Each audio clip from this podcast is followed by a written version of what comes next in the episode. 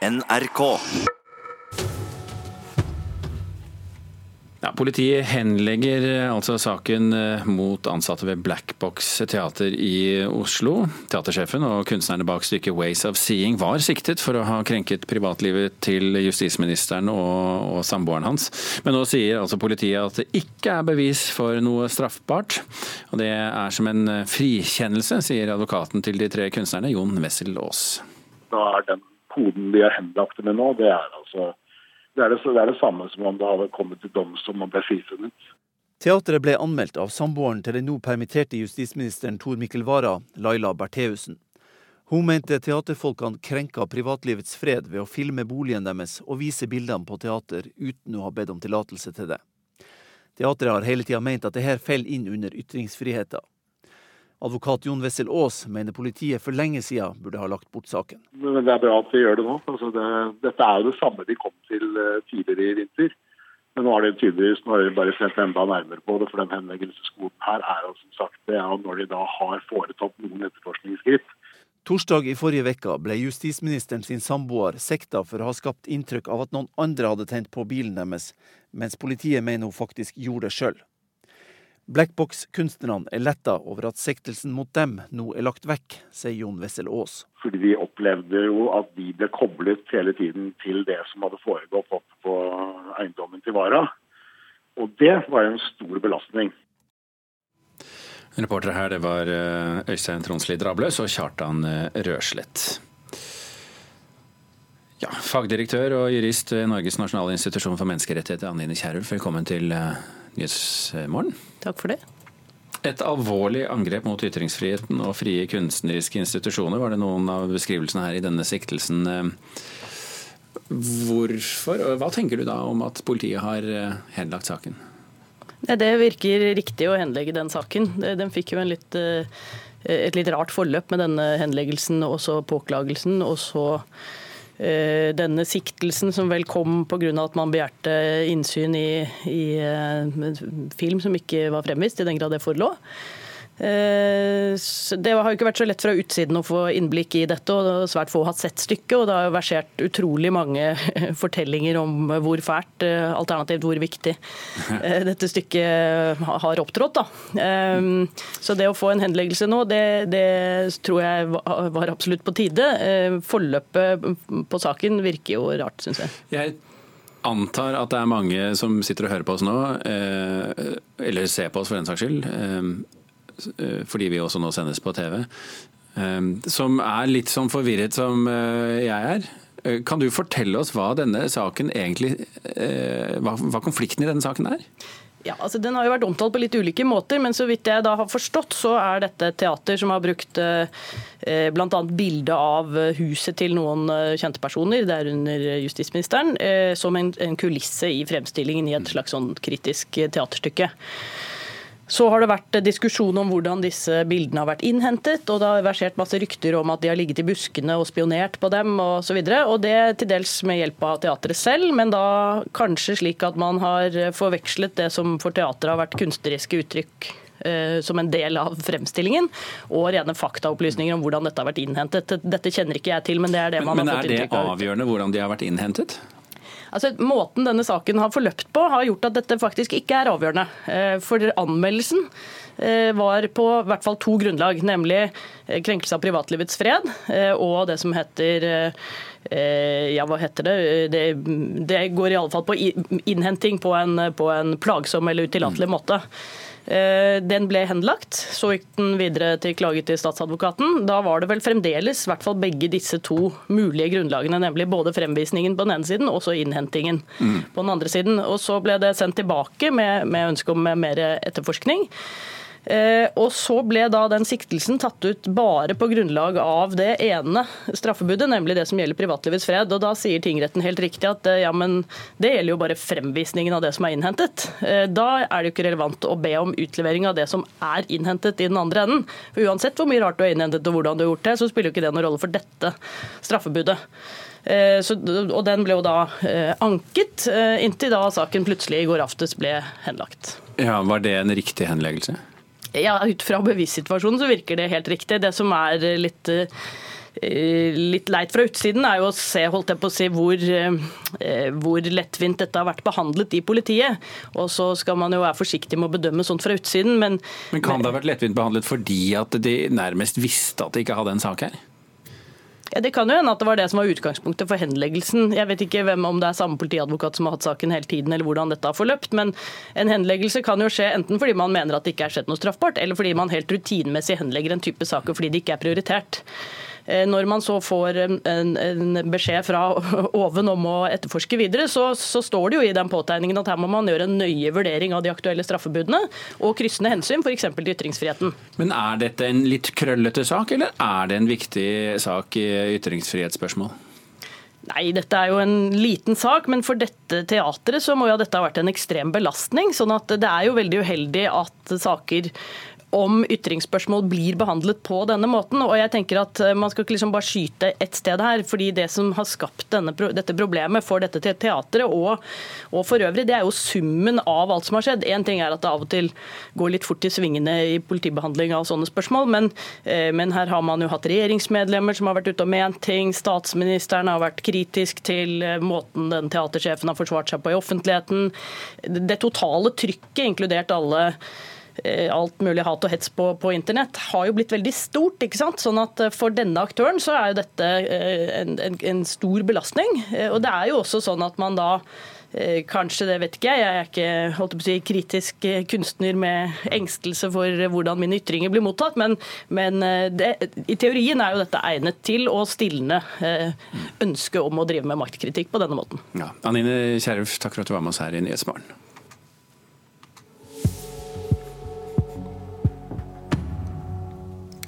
Forrige fredag slapp hun debutalbumet sitt og fikk eh, stor applaus fra kritikerne. Sigrid Solbakk Råbe, bedre kjent som artisten Sigrid, ble i løpet av fjoråret hele Norges popdronning. 31.3 opptrer hun på Spellemannsprisen.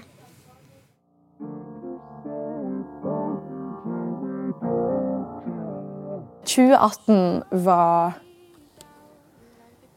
nesten surrealistisk. Det var så mye som skjedde på en gang at til slutt ble litt sånn har alt det her virkelig skjedd på ett år? 22 år gamle Sigrid Solbakk Råbe, bedre kjent som artisten Sigrid, har i løpet av det siste året mottatt flere priser, opptrådt foran millioner av mennesker, spilt på noen av verdens største festivaler og blitt én av Norges aller fremste stjerner. Jeg husker så utrolig mye, og det var så gøy. Det er flere konserter jeg kan bare sånn kjenne nå hvordan det føltes ut å stå på den scenen. Sigrid begynte å spille låter som 16-åring, men slo for alvor gjennom med låta 'Don't Kill My Vibe' i 2017. Og siden den gang har hun på sett og vis aldri sett seg tilbake. Jeg begynte jo tidlig å drømme om Glastonbury Coachella. Og det er jo helt sykt at vi har gjort det allerede. Jeg drømte jo selvfølgelig om Spellemann. Jeg, jeg drømte jo om å, å, gjøre musikk, men jeg trodde bare ikke det var mulig for meg.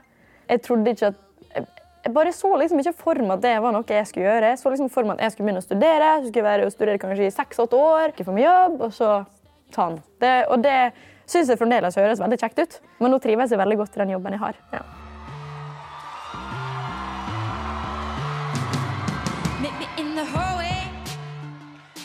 Siden gjennombruddet i 2017 har den norske popdronninga både mottatt pris og opptrådt på P3 Gull. Hun har sunget på flere internasjonale TV-show, bl.a. The Tonight Show i USA og Graham Norton Show i Storbritannia.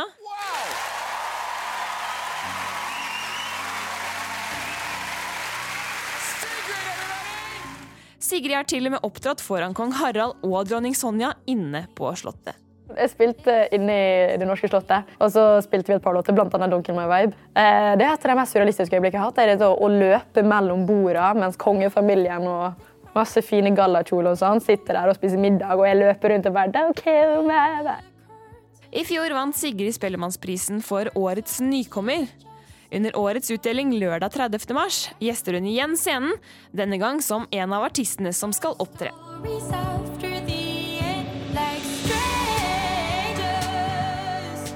Spellemann er jo Jeg syns det er noe av det største, da. Uh, og jeg husker når jeg begynte å skrive låter, så så jeg selvfølgelig på Spellemannutdelinga. Jeg syns det er veldig stas, og jeg håper jo kanskje at jeg skulle få lov til å bli invitert en gang. Uh, så jeg syns det er veldig stort å være her. Veldig stas. På selve kvinnedagen slapp 22-åringen sitt debutalbum 'Sucker Punch', og en uke senere skrev hun norsk musikkhistorie da hun ble første norske kvinne til å plassere seg topp fire på den britiske albumlista. Jeg elsker å være i studio. og Det er kanskje den beste følelsen når du vet du lager et bra vokalhook, og du vet at det refrenget der er fett. Det gjør meg veldig glad. Det er kanskje det som gjør meg mest glad av alt. Også at det er helt riktig for meg å være i popsjangeren, fordi pop er så stort. Det er så mye du kan gjøre innenfor, og jeg setter ingen begrensning på meg sjøl på hva jeg har lyst til å gjøre. Altså, jeg aner ikke hvordan ny musikk kommer til å høres ut, men akkurat nå er jeg superglad for å ha førsteplata mi ute, og jeg er veldig fornøyd med den.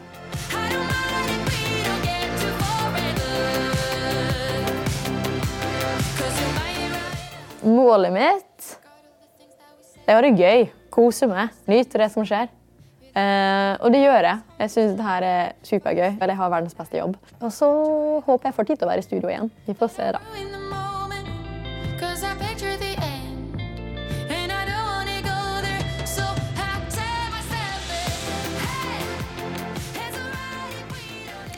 Reporter her det var eh, Mia Becker, og det var Tarjei Strøm som sto for intervjuet med Sigrid.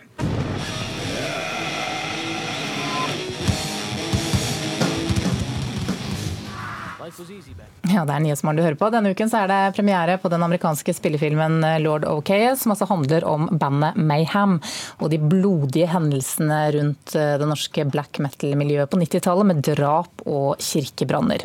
Nå har eh, NRK også satt i gang en egen produksjon med en musikkdokumentar om norsk black metal. Blir, blir det noen likheter å se her, kulturreporter Sonja Uppal? Eh, nei, NRKs serieregissør Håvard Bråten sier at musikken skal være i fokus i den fire timers lange dokumentaren, og at den ikke kan sammenlignes med Lord of Chaos. Han forteller til Dagsavisen at det ikke skal være en true crime-serie. Så kan det hevdes at eh, black metal er det viktigste, mest unike norske kulturuttrykket etter eh, krigen, kanskje. Hvordan blir det skildret i dokumentaren? Serien spenner, seg, eh, spenner fra starten av 80-tallet og fram til i dag, og viser utviklingen til norsk black metal fra uglesett subkultur til nasjonal stolthet. Og regissør Bråten ønsker at historien fortelles av aktørene selv, nettopp fordi det er blitt skrevet og sagt så mye feil om norsk black metal. Til en annen sak nå. Designer eh, Virgil Abloh, Louis Vuitton-designer, viste sin andre herrekolleksjon for det erkefranske luksusmotehuset under moteuka i Paris tidligere i år. Visningen var en hyllest til kongen av pop, Michael Jackson, men kunne i lys av den kontroversielle dokumentaren 'Leaving Neverland' ikke kommet på en verre tid, kanskje? Eh, nei, men designeren har eh, beklaget og i en uttalelse til motenettstedet Women's Wear Daily sagt at han eh, er klar over at visningen av dokumentaren har skapt reaksjoner, og at han tar avstand fra alle former for utnytting av barn, vold og overgrep mot menneskerettighetene. Takk skal du ha, kulturreporter Sonja Uppal.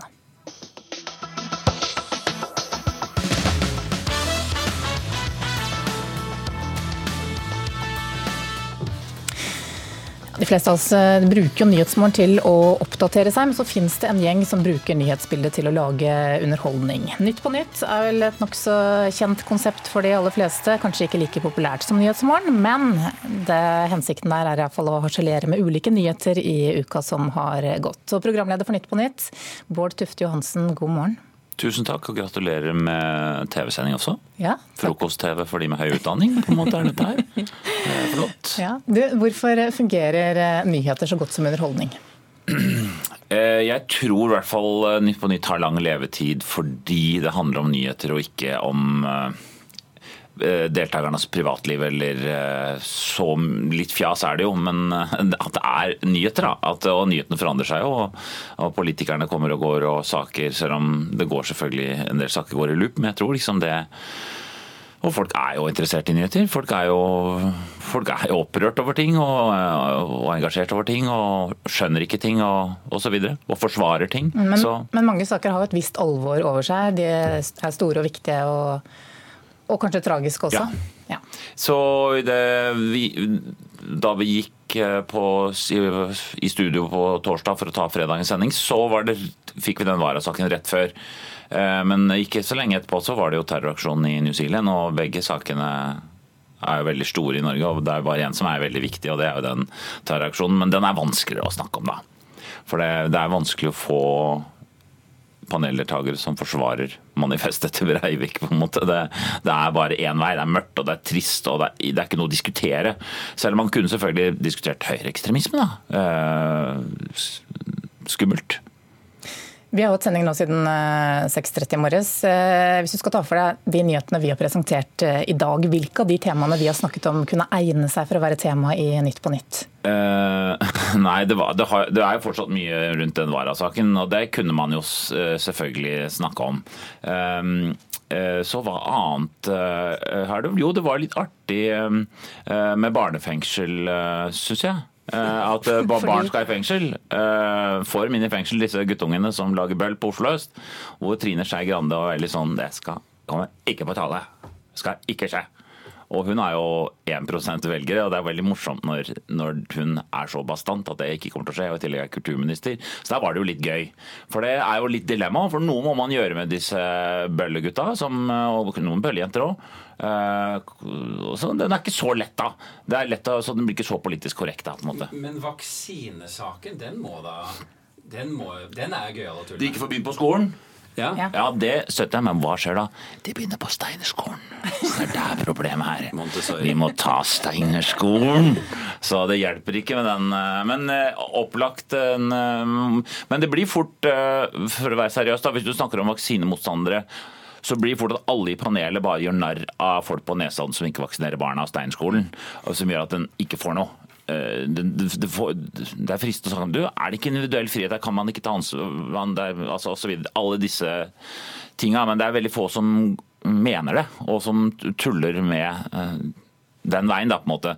Så det er ganske vanskelig å lage saker som liksom virkelig fenger og ikke sparker inn åpne dører. da. Men Hvor leter dere da, eh, bortsett fra i Nyhetsmorgen, regner jeg med, eh, etter saker som passer godt til deres format? Vi hører Nyhetsmorgen hver morgen, og så sitter det nå allerede nå er det mandag morgen, og sitter det i hvert fall to tekstfattere og går gjennom alle avisene. Så går vi gjennom altså, hva er nytt med sakene, og så legger vi det på en liste som vi tar med oss utover uka som hele tiden forandrer seg, akkurat som nyhetene. Mm. Men Er det noen yndlings, eh, litt, litt små aviser eller litt uh, kuriøse nettsteder f.eks.? Sånn man følger noen lokalaviser, bytter på å følge lokalaviser. Um, men den saken dere hadde om hun som plukka opp hundebæsj på Vestlandet, den ville nok vi synes var litt for lett, da. Den var uh, uh, Det ville vært en sak hvis alle, hvis fylket tvang gamle damer til å plukke opp hundebæsj uten pose. Det hadde vært en kjempesak. Det ville vært uh, bare rett i neven. Ja, kjempesak. Da kunne det være uenige der heller, kanskje. Da kunne det blitt en sak. Men det er det en ære å få, sin, uh, få plass til nyhetssaken sin i Nytt på Nytt? Ja, hvis du er, i hvert fall hvis du er en liten min, Hvis du er litt Uansett vil jeg si, hvis det er på Nytt på Nytt, så mest sannsynlig så har du jo skapt en Det er ukasak. Du har avslørt noe, du har satt fokus på noe. så Det mener jeg det er jo samme som her. Når dere refererer til aviser, så har det jo, da har de gjort en god jobb. Mm. Selv om dere kanskje ikke refererer helt på samme måten? da? Nei da, men, og jeg, vi syns jo eh, at eh, man gjør narr av nettavisene. Søpler jo til samfunnet på en til viss grad. Men avisene har vært ganske flinke siste året. Det har avslørt mange store ting, og det jobba ganske grundig. Så virker kanskje som de, at de har så dårlig samvittighet for alt det tullet de publiserer, at de, må, at de er flinke til å bruke penger da, for noe ordentlig journalistikk. Så det gleder meg som menneske, far og hundeeier og, og på nytt programleder og alt. ok, Bård Tufte Johansen, takk for at du kom. veldig mye. takk for at du kom til Nyhetsmorgen. Du kom til studio for å snakke veldig mye. Okay.